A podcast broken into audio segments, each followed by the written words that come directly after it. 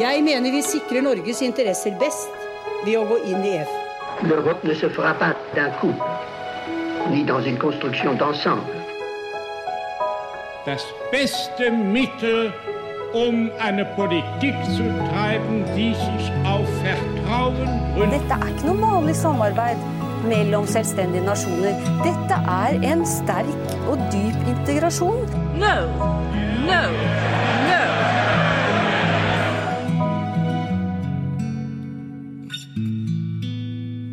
Velkommen til Det europeiske kvarter, en podkast om europeisk politikk og historie med Lise Rye og meg, Kristine Graneng, ved Europastudier på NTNU. Vi har nevnt det en del allerede i podkasten hele sesongen, Lise, at krigen i Ukraina har utløst en del nye debatter i EU, deriblant debatten om EU skal bli større, om EU skal ta inn flere nye medlemsland.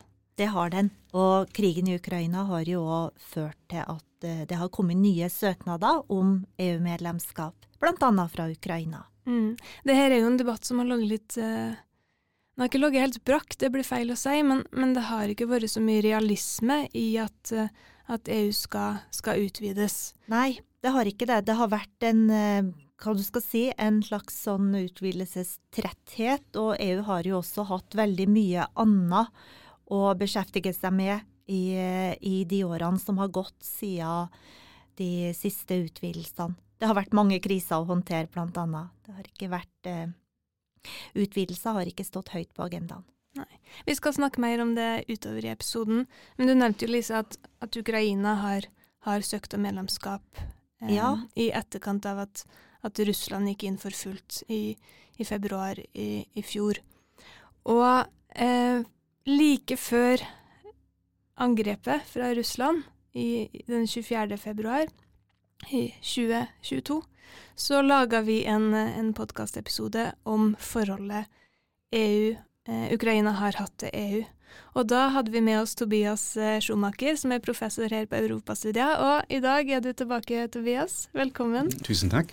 Siden sist så, så har jo du også vært med å starte opp et nytt EU-prosjekt, Redemos, som handler nettopp om, om, forholdet EU har til sine medlemsland, eh, til sine naboland i øst, eh, og hvordan EU kan være med å støtte opp demokrati i, i land som Ukraina, også Georgia og Moldova, som er de to andre landene som har søkt om, om medlemskap. Så vi har invitert deg for å, for å gi oss litt mer kunnskap om, om de her prosessene. Um, ikke bare det som handler om Ukraina og Georgia og Moldova sine søknader om medlemskap, men, men også sett i et litt større perspektiv. Men for å starte med, med Ukraina og, og deres EU-søknad, så er jo ikke det en ny eh, utvikling, eller det er ikke en helt ny utvikling at, at Ukraina ønsker å bli med i EU. Men, men, det har blitt mye mer formalisert det siste året. De har altså sendt inn en søknad. Den søknaden har eh, blitt behandla av EU, som har innvilga Ukraina kandidatstatus. Og samtidig så har det, har det vært et veldig tydelig budskap fra Zelenskyj og Ukraina at de ønsker å, å få fortgang på denne prosessen. Senest på, på det her eh, møtet i starten av februar, der Zelenskyj var til stede, så sa han at, eh, at de ønska at medlemskapsforhandlingene skal starte i år, i 2023. Hvorfor er medlemskapet i EU så viktig for Ukraina nå, eh, Tobias? Ja, igjen tusen takk eh, for å være med her. Det er andre gang, som du sier, og jeg setter stor pris på det. La meg si, eller begynne med å si at uh, det ville være veldig misvisende, så som jeg sier det, påstår at um, målet om å, å, bli medlem av Europeiske unionen hadde dukket opp på Ukrainas utenrikspolitiske agenda um, bare nylig.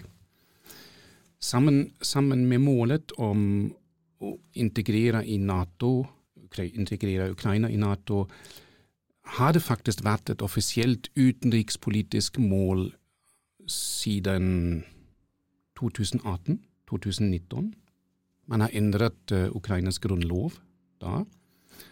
Og uh, selv før Verkhovna Rada, altså det ukrainske parlamentet, godkjente disse grunnlovsendringene, har EU-integrasjonen vært et langvarig mål for påfølgende ukrainske regjeringer siden minst andre halvdel av 1990-tallet. Tobias, hva, hva var denne grunnlovsendringa? Grunnlovsendringene skjedde i sammenheng med det som skjedde i starten av 2014. Og uh, at man uh, besluttet å at uh, aksentuere akkurat det målet som man hadde allerede før. Og, og ja, hvordan sier man det på norsk? har det så det står i den ukrainske det, grunnloven det, det står at de i grunnloven at integrering i Nato og EU er et offisielt mål. Mm. Selvfølgelig um, kan det ikke nektes at uh, i den nåværende konteksten av krig, Ukrainas eksponering for Russlands ulovlige fullskala militære aggresjon, at beslutningen å gi Ukraina kandidatstatus ikke løfter om medlemskap, vi, vi, må skille mellom disse to, har veldig høy symbolsk politisk uh, betydning. For det første er det viktig for det demonstrerer for Ukraina at man ikke er alene, at Ukraina ikke er forlatt, at det finnes et formelt perspektiv i et uh, etterkrigs-Europa. For det andre er det også viktig ettersom det gir ukrainske myndigheter et betydelig insentiv, så å si, til å fortsette å intensivere de mange rettsstatsrelaterte, governance-relaterte reformene de er ment å forfølge under eller i sammenheng med, med um, avtalen som finnes mellom EU og uh, Ukraina. Eh, Tobias, du var inne på det at eh, ja, Ukraina de eh, søkte om medlemskap eh, bare få dager etter eh, det russiske angrepet. Og allerede i juni så ble Ukraina innvilga kandidatstatus. Det her med å EU e er jo ikke en klubb der du kan tegne medlemskap. Det er ganske omstendig og en formalisert prosess for å bli medlem av EU. Eh, kan du kort ta oss gjennom hvordan den prosessen vanligvis Visst. ser ut? Visst. Altså Vanligvis så, så finnes det tre hovedtrinn, så å si. Det første trinnet er at eh, Det europeiske råd, informert av Europeiske kommisjonens anbefalinger, må beslutte enstemmig om uh, å gi et land kandidatstatus. Og når det gjelder Ukraina, ble denne avgjørelsen tatt uh, eh, 23. Juni, uh, juni i fjor. Og etterpå så, så, må EU, eller EUs råd, og kandidatland bli enige om uh, et rammeverk for tiltredelsesforhandlinger. Og ofte ber kommisjonen et kandidatland om å følge visse anbefalinger før forhandlingene begynner. Og Ukraina fikk uh, f.eks. sju slike anbefalinger um, i fjor. Og bare når alle EU-medlemsland har blitt enige om at forhandlinger kan starte, skjer disse innenfor rammen av en såkalt uh, mellomstatlig konferanse.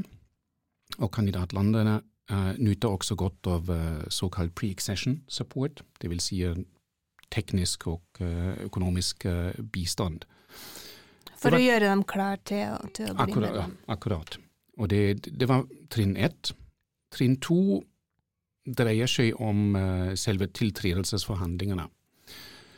Her forhandles det om 35 kapitler av uh, det som vi anser for å være acquis communautaire, altså EUs regler, EUs lovverk.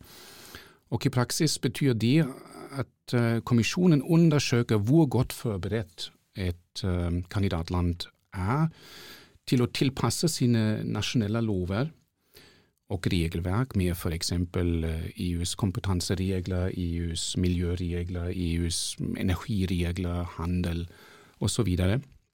Og samtidig må kandidatlandet også legge fram uh, sin forhandlingsposisjon, og det må også EU gjøre. Så det betyr også i praksis at konkrete benchmarks, så å si, um, er satt av EU.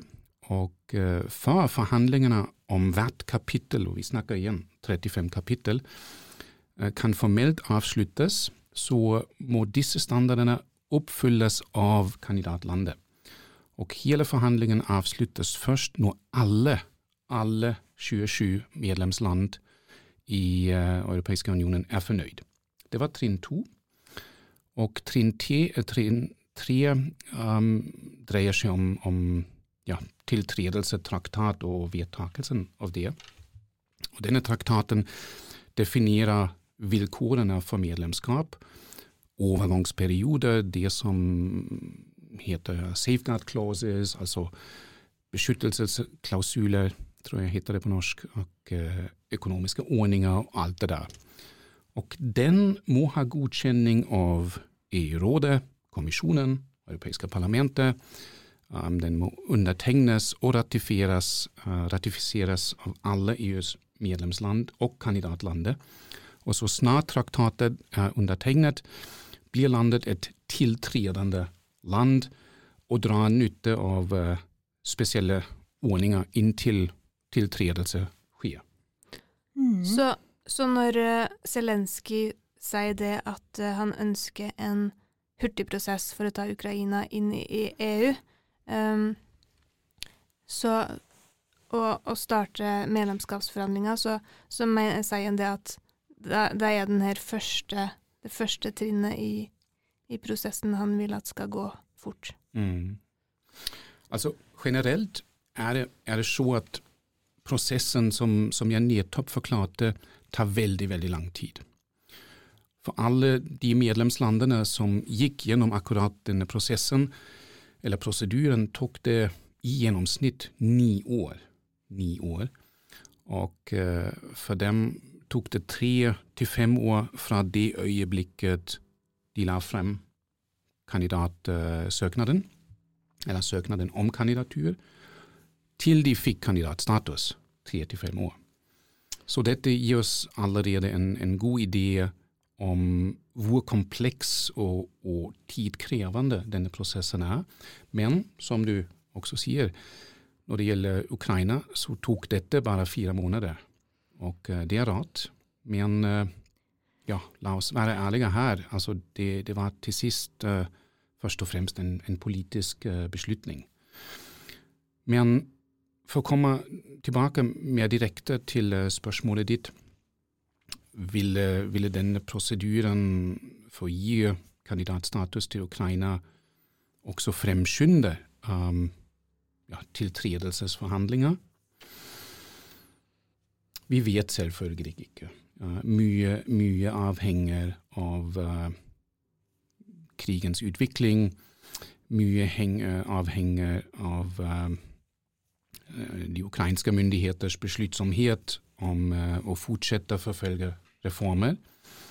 Men det som, det som virker være veldig sikkert akkurat nå, er derimot at det ikke er enighet blant medlemslandene i EU um, om faktisk ukrainsk medlemskap. Og spesielt medlemsland som Tyskland, som Frankrike, som Nederland eksempel, er ganske skeptisk um, til et slikt perspektiv. Ikke minst for, fordi det ville endre maktbalansen i Europeiske unionen. Mm. Ja, det har, aldri, det har, aldri, gått så raskt før at et land har søkt og fått innvilga kandidatstatus bare fire måneder etterpå. Eh, og som du sier, så tar det vanligvis mange år fra et land søker, får kandidatstatus, og til det faktisk trer inn i union. Eh, i Kroatia sitt tilfelle, som var det siste landet, så tror jeg det tok åtte år. Mm. Eh, det har gått raskere. Det gikk raskere med de nordiske landene, men det var jo fordi at det var gjort så mye arbeid mm. på forhånd med EØS-forhandlingene. Og Det er jo et viktig poeng, tenker jeg, når, når man ser på denne prosessen. Um, for det noe av utfordringa med, med, de nyeste medlemslandene i EU er at man har ikke hatt det samme statssystemet eller samme eh, kapasiteten til å, til å jobbe Mm. med regelverk som, som de eldre medlemslandene har hatt. Mm. Og, og det må vel òg sies av, eh, av de landene som ønsker seg inn i EU i dag, så var vel Ukraina blant dem som lå dårligst Mm. an. Mm. Ukraina hadde store utfordringer bl.a. med korrupsjon, Korrupsjon. og du hadde konflikten med Russland over Mm. Krim, som eh, sto i veien for et ukrainsk medlemskap. Men eh, Ukraina, Ukraina er altså ikke alene om å ønske seg medlemskap i EU i dag. Det, er, det blir stadig fullere i det venterommet. Hvilke andre land, Tobias, er det som, eh, som ønsker seg inn i EU? I Øst-Europa er det Mm. også Moldova, som eh, fikk kandidatstatus eh, i juni i fjor sammen med Ukraina. Og eh, også når det gjelder Moldova, så har det vært et eh, offisielt eh, mål siden 2009-2010, faktisk. Georgia, um, som akkurat nå er i mediene, mer eller mindre hver dag, streber etter EU-medlemskap, um, i hvert fall offisielt. Og uh, på Vest-Balkan så har vi Serbia, vi har Montenegro, vi har Nord-Makedonia, vi har Albania, og uh, siden desember i fjor er det også Bosnia. Um, til slutt er det Tyrkia, som har vært en offisiell kandidat siden 1999. Og uh, for å komme tilbake til Vest-Balkan, uh, vi har jo også Kosovo. Men Kosovo er et særlig fall, um, som uh, så langt ikke har oppnådd kandidatstatus, men også streber inn i EU. Mm. Så alle de her landene, bortsett fra Georgia og Kosovo, har fått innvilga kandidatstatus. Sant? Mm. Du var jo inne på at Georgia har vært mye i nyhetsbildet i det siste, og vi spiller inn denne episoden eh, fredag i uke ti. Um, og, og det har jo vært mye, mye prat om den her utenlandsk agentloven, først og fremst, og demonstrasjonene som har fulgt etter det forslaget. Og, og det er jo en, en, et forslag om en lov som ville ha innskrenka presse- og organisasjonsfriheten i Georgia, eh, Georgia betraktelig, og som Mm. kommer ja, kommer fra Russland, egentlig, denne, denne loven. Iallfall eh, sterkt inspirert av, av russisk lov. Absolutt, det er sant. Um, men jeg kan synes at det er viktig i denne sammenheng å også nevne at det finnes uh, lignende lov i USA. Um, en såkalt foreign agent law. Um, så det, det, er ikke bare i Russland at, at vi har det. Um, men kanskje den internasjonale medien fokuserer ikke på det. Um, det som er problematisk når det gjelder Georgia, um, også i denne sammenheng, er at uh, Georgia har vært uh, okkupert uh, militært uh, av Russland siden 2008. Og egentlig, um, som jeg sa tidligere, streber inn i Nato, streber inn i EU. Men siden 2012-2013 så har vi en, en regjering, eh, eller et parti, som uh, ledes uh, i bakgrunnen av en uh, prorussisk oligark, um, Ivanishvili. Og vi ser at de siste ti-elleve år har det blitt mer og mer problematisk i Georgia når det gjelder ikke bare korrupsjon, men framfor alt politisk vold. At man bruker politisk vold, at regjeringene bruker politisk vold. Og ja, det, som, det, det som vi anser være selective justice, så å si. Og at uh, Georgia har liksom flyttet mer og mer nærmere uh, Russland, altså rent uh, politisk. Men det, det, det sivile samfunnet er pro-vest, er pro-Europa, pro-Nato. Så det, det, vi sier akkurat nå, det har vi sett 2019, det har vi sett 2007, 2021. Så det er ingenting, ingenting nytt. Ja. på, på, på den måten. Så, så man, ser, man, ser, jo tydelige utfordringer i Georgia med tanke på et EU-medlemskap. Ser man også lignende utfordringer i, i de andre søkerlandene? Og hvor i prosessen står de eh, per i dag? Altså, For å være helt ærlig, så er dette et spørsmål som er nesten umulig um, å, å, besvare på bare noen få minutter.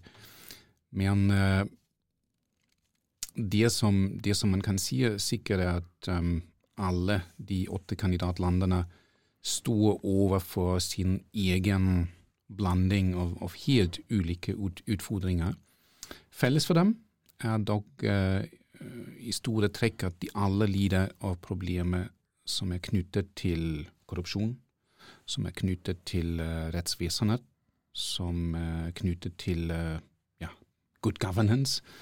Um, og selvfølgelig uh, systematiske brudd på eller når det gjelder um, politiske og borgerlige friheter, mm, f.eks. i Tyrkia, og um, ja, så klart direkte, vi, vi, snakket om det litt allerede, direkte eksponering for uløste konflikter.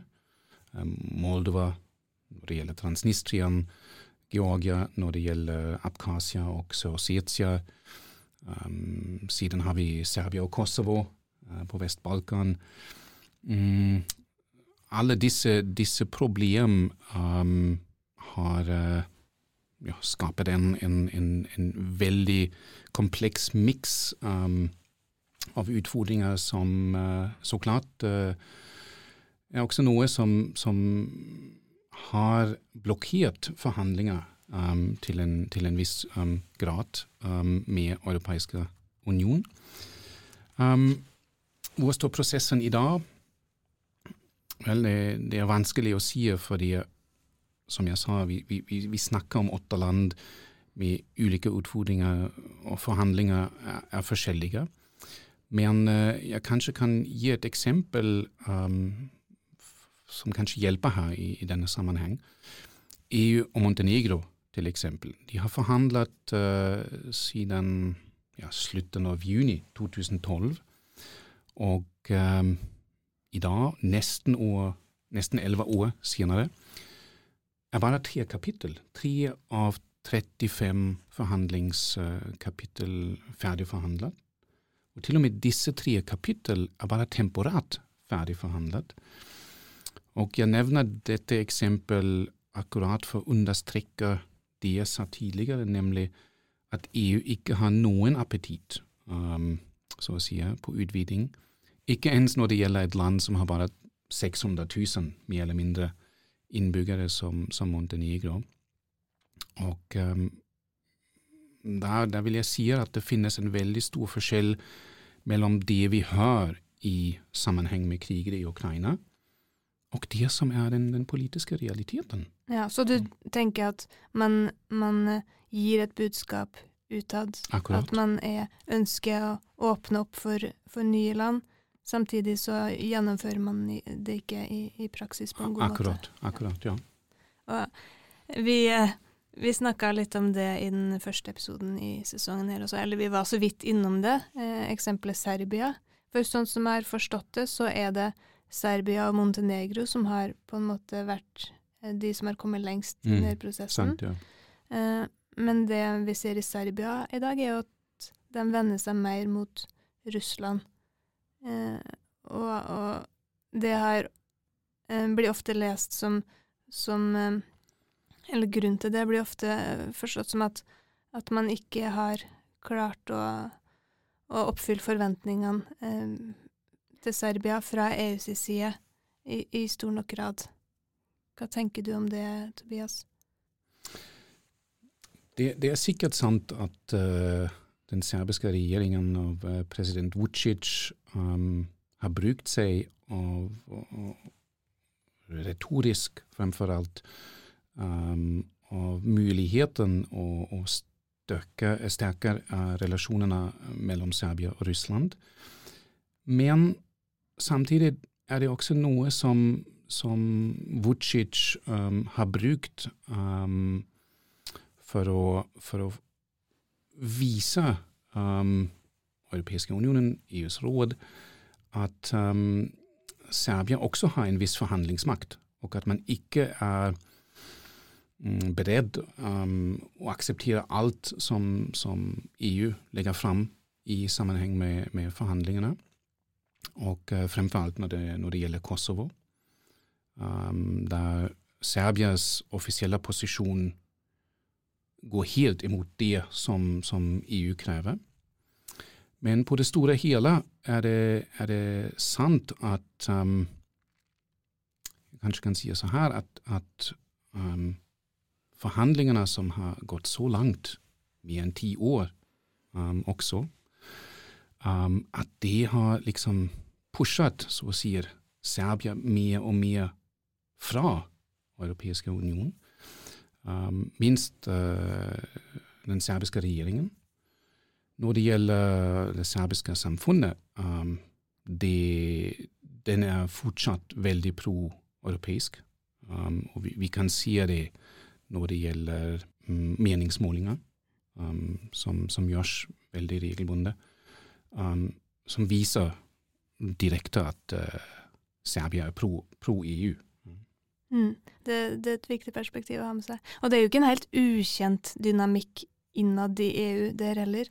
Men hvis vi ser tilbake på eurokrisa f.eks., så var det jo en tendens i Italia eh, mm. og Hellas f.eks. til å se mer mot Russland, fordi det ikke kom gode nok løsninger på, i EU. Så, så, det er jo noe man kan kjenne igjen, den her, det her forhandlingsmessige. Absolutt. Hvis vi går tilbake til, til utvidelsespolitikken, så har du altså på den ene sida ei gruppe land som scorer dårlig på good governance, som har rettsstatlige utfordringer. Eh, samtidig vet vi jo at det er jo også tilfellet for land innad i EU. Um, hvor effektiv og hvor troverdig vil du si at EU egentlig kan være når i arbeidet med å bygge demokrati og rettsstat uh, i, i, kandidatland. Um, erfaringene de siste 10-15 årene har vist at medlemsland veldig lett kan bevege seg bort fra mm. det her EUs verdigrunnlag og de rettsstatlige og demokratiske standardene mm. som mm. EU ønsker. Er det et spill for, det et spill for Ikke et spill for galleriet, men, eh, men er det egentlig en effektiv politikk? Er EU egentlig en troverdig aktør mm. på dette mm. området? Ja, det, det, er et veldig uh, godt spørsmål. Veldig interessant. Um, forskjell mellom retorikk og uh, praksis, så å si. Det som jeg kan synes, er at det har, det har blitt åpenbart at uh, EU selv, gjennom medlemsland som Ungarn, som Polen, til eksempel står, og du, du, nevner det indirekte, en, en, en, stor utfordring, nemlig hvordan, hvordan skal man møte demokratisk tilbakefall i medlemslandene, um, og samtidig forbli en, en tru, troverdig transformasjonsmakt mot uh, ikke-medlemsland. Um, Interessant nok har det faktum at, at EU i mange år har lidd under av et uh, demokratisk uh, legitimitetsunderskudd, og b at man, har, at, man, at man har medlemsland som ikke respekterer um, sentrale EU-normer og, og, verdier, ikke hatt en direkte negativ effekt på EUs attraktivitet. Som en aktør som andre ønsker um, å tiltre. Antall land, og vi sa det tidligere, antall land som ønsker å bli med, vokser i stedet um, for å synke. Og uh, jeg nevnte det akkurat for en minutt siden. Regelmessige meningsmålinger i bokstavelig talt alle kandidatland viser at oppslutningen om EU-medlemskap er gjennomgående høy. Ja. Det, det, er noe som, som, noen som er veldig viktig, kan jeg synes. Samtidig vet vi at uh, i bilaterale diskusjoner mellom EU og individuelle um, medlemsland, Ukraina annet, Serbia annet, um, uttrykker kandidatene sin, sin, sine bekymringer, sin frustrasjon for dobbeltmoral, eller double standards.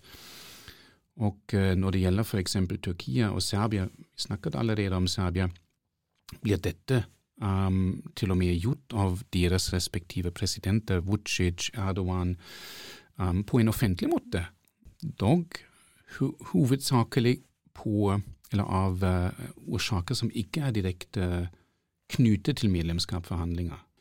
Så langt har dette i hvert fall hatt en, en For å komme tilbake til det du sa, Lise, en, en negativ innvirkning på bilaterale relasjoner mellom EU og Tyrkia, mellom EU og Serbia, snarere enn hvordan samfunn i begge kandidatlandene ser på, på EU.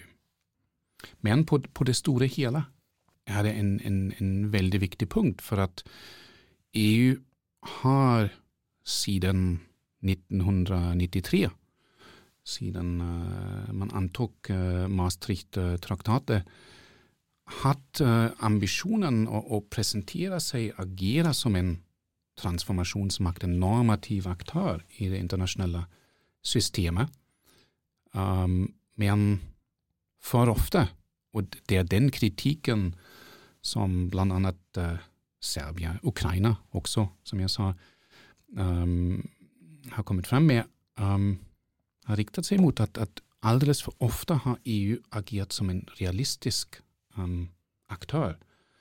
Um, det finnes faktisk en, en, en, en artikkel av en, en, dansk kollega av meg, Peter Seberg, um, som, som, heter The European Union um, A Normative Power in, in Realist Clothes. Mm. Og jeg kan synes at det, det, det finnes en, stor sanning i det. Den må vi legge ut en referanse til. Ja, Stine. det skal vi legge ut um, når vi deler episoden. Og det går jo litt tilbake til det vi snakka om i, i, den forrige episoden, da Peter de Wilde var på besøk også. Det er um, skillet mellom uh, ja, hvorfor EU er så opptatt av demokrati, og, om, og hvordan man gjennomfører det. At uh, om man skal ta et uh, slags optimistisk, som Peter kalte det, eller pessimistisk mm. perspektiv på det. Om det handler om at man virkelig ønsker å, å få, få, på plass demokrat, demokratiske prinsipper, mm. eller om man gjør det, um, når det når det er tjenlig uh, økonomisk for Eller geopolitisk for EU. Men en annen ting vi også snakka om i den forrige episoden, var at det her hvordan EU følger opp sine egne medlemsland, også har betydning internt i EU. Og, og hva tror du, Tobias, er EU og medlemslandene klare for å bli større? Hvordan, hvordan går debattene om det her innad i EU, og, og må det endringer til i selve EU-systemet mm. for å kunne ta inn nye medlemmer? Altså Der tror jeg at uh, svaret er ganske klart. Med sin nåværende institusjonelle arkitektur, med sin nåværende beslutningssystem, med den uh, eksisterende landbrukspolitikk som, som, fortsetter å dreie seg om, om subsidier, er Europeiske unionen ikke i en posisjon um, til å utvide seg. Um, dessuten, selv om, om noen medlemsland um, offentlig presser på for en rask uh, tiltredelse av la oss si Ukraina eller Moldova, jeg tenker på Polen, jeg tenker på Estland, uh, Tsjekkia, har et stort antall medlemsland liten eller ingen interesse eh, i å få inn nye medlemsland. Men, kan, du, kan, du, si litt om hvorfor Polen og, mm. og de baltiske landene ønsker Ja, men det, det kan jeg synes er, er veldig um, åpenbart. Um, Finland til eksempel har en, en uh, landgrense med Russland eh, av 1300 km. Estland til eh, for eksempel av 300 km. Man, man, man anser Russland som eh, en, en trussel, en sikkerhetstrussel. Og der kan man synes at ta inn Ukraina, eksempel, ville virke som en, som en buffer, um, til og med mot uh, Russland. Men samtidig er det også så at uh, når det gjelder utenrikspolitikken av uh, de baltiske landene, eller Polen, Tsjekkia, um, Slovakia også, og Ungarn til en, en mindre grad um, Alle disse utenrikspolitikk um, de siste 30 år har vært veldig pro-Øst-Europa, pro-Ukraina. Um, jeg tenker på f.eks. Uh, EUs Eastern Partnership, um, som, som ja, var, var, egentlig en, en, produkt av polsk um, ja, politisk uh, lobbying, entrepreneurship, så å si. Og man har alltid argumentert at EU-integrasjon, EUs integrasjon er, in, er ikke ferdig uh, så langt Ukraina og Moldova, Moldova men framfor alt Ukraina, um, ikke er med. Men tilbake til du, du, Jeg tror du var inne på, ja. på motforestillingene før jeg ja, avbrøt. Um, som jeg sa tidligere, altså akkurat nå er EU ikke i en situasjon der man kan ta inn um, troverdig um, nye medlemsland.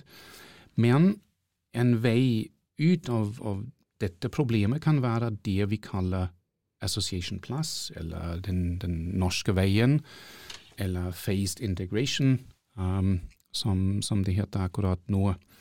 Um, og det betyr en vei ut kan så langt være delvis sektorspesifikk integrasjon av kandidatlandene. Med andre ord, et kandidatland blir altså en del av EUs indre marked, for eksempel, um, men tilpasser seg ikke EUs regelverk på andre politikkområder, la oss si forsvar, for eksempel. Så man snakker om ulike grader av Akkurat. av, eh, akkurat. Um, det, det, vi ofte kaller differensiert integrasjon. Ja, differensiert ja. integrasjon. I, I, starten av 90-tallet så snakket vi om uh, Europe of concentric circles, variable geometry, alle disse uttrykk. Og i store trekk er dette tanken um, bak det nylig etablerte uh, europeiske, europeiske, politiske fellesskap, European Political Community, som uh, er initiert av Emmanuel Macron. Og mer konkret også um, har vi det allerede i avtalene mellom EU og Ukraina, mellom EU og Moldova, mellom EU og Georgia. Problemet, problemet jeg ser, er at imidlertid er at et slikt EU av konsentriske sirkler eller differensiert integrasjon ikke er attraktiv for kandidatlandene, um, siden de ikke ville få delta i beslutningsprosessen. Og uh, for det andre fordi de ville bli sett på som, ja, hvordan skal man si det, um, annenrangs medlemmer. Og da har de også vanskelig å, å, å selge det til sin egen um, befolkning. Absolutt. Vi skal vel eh, begynne å gå inn for landing, Kristine. Eh, men eh, Tobias, du sa innledningsvis at det å gi Ukraina kandidatstatus, det hadde en veldig sterk symbolsk effekt. Det var en slags boost, en oppmuntring til, til Ukraina. Samtidig er det lett å se for seg at den videre utviklinga vil avhenge av hvordan krigen utvikler seg. Et Ukraina i krig, som er i konflikt med Russland om territorier, som mm. vil, være, vil være langt vanskeligere å integrere for EU enn et Ukraina som, eh, hvor krigen er over og de territorielle konfliktene er avklart. Um, kan det være sånn at uh, det å gi Ukraina kandidatstatus uh, er med på å gi Ukraina, og for så vidt også andre land, urealistiske forventninger? Mm. Mm. Du var inne på det i sted. altså Løsninga kan fort bli en form for differensiert integrasjon, mm. en mm. form for sånn A, B og C medlemskap. Visst, ja. To raske svar. Um, å, å, tilby um, et kandidatland kandidatstatus og delta i tiltredelsesforhandlinger uten å faktisk avslutte dem, er i beste fall uærlig, og uh, i verste fall kan det føre til uh, ja, motløshet, så å si, og frustrasjon blant kandidatene.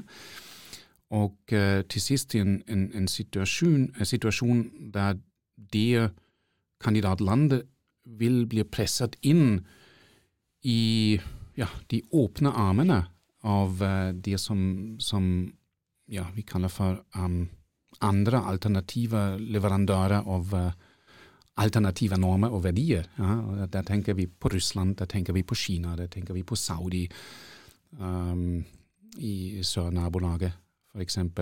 Qatar um, og alle disse ikke-demokratiske land.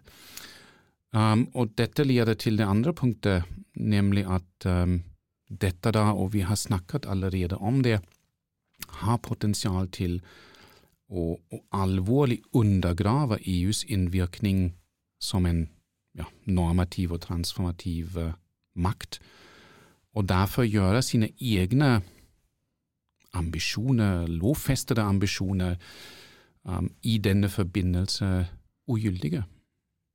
Og det er problematisk, ja, for at uh, EU taper da troverdighet internasjonalt. Ja, det er virkelig, virkelig store utfordringer EU står overfor i, i det spørsmålet. Uh, man må, må, finne gode løsninger. Det, det, tror jeg man kan konkludere. Tusen takk for uh, en veldig spennende samtale, Tobias. Selv takk. Sånn på tampen så, så um, Jeg har iallfall sett ned dokumentaren 'Putin mot Vesten', som ligger på NRK nå, eh, som, som, oppsummerer mm. veldig fint mm eh, hva som var utgangspunktet, eller hva som skjedde i forkant av eh, invasjonen eh, i februar i fjor. Så den vil jeg absolutt anbefale å se, også i kombinasjon med den episoden vi, vi laga i fjor, eh, Tobias, der vi så på nettopp hva forholdet til mellom Ukraina og EU har vært mm. i forkant av, av, krigen og i forkant av denne eh, medlemskapssøknaden. Og vi deler også den artikkelen du nevnte på, på, Facebook og Instagram, så følg oss gjerne der. Og hvis dere eh, liker det dere hører, så håper vi også at dere anbefaler podkasten videre til, til, andre som kan være interesserte. Og eh, hvis jeg får, så vil jeg også anbefale kanskje til alle som, som lytter til podkasten, og kanskje da da sjekke ut uh, websiden, eller nettsiden av uh, Redemos-prosjektet som, som du nevnte mm, um, i starten. Vi skal dele det også. Som dreier seg akkurat ja. av alle disse spørsmål. Mm, det er absolutt et viktig og veldig uh, Et prosjekt som er veldig i, i tiden. Sant, ja. Tusen takk.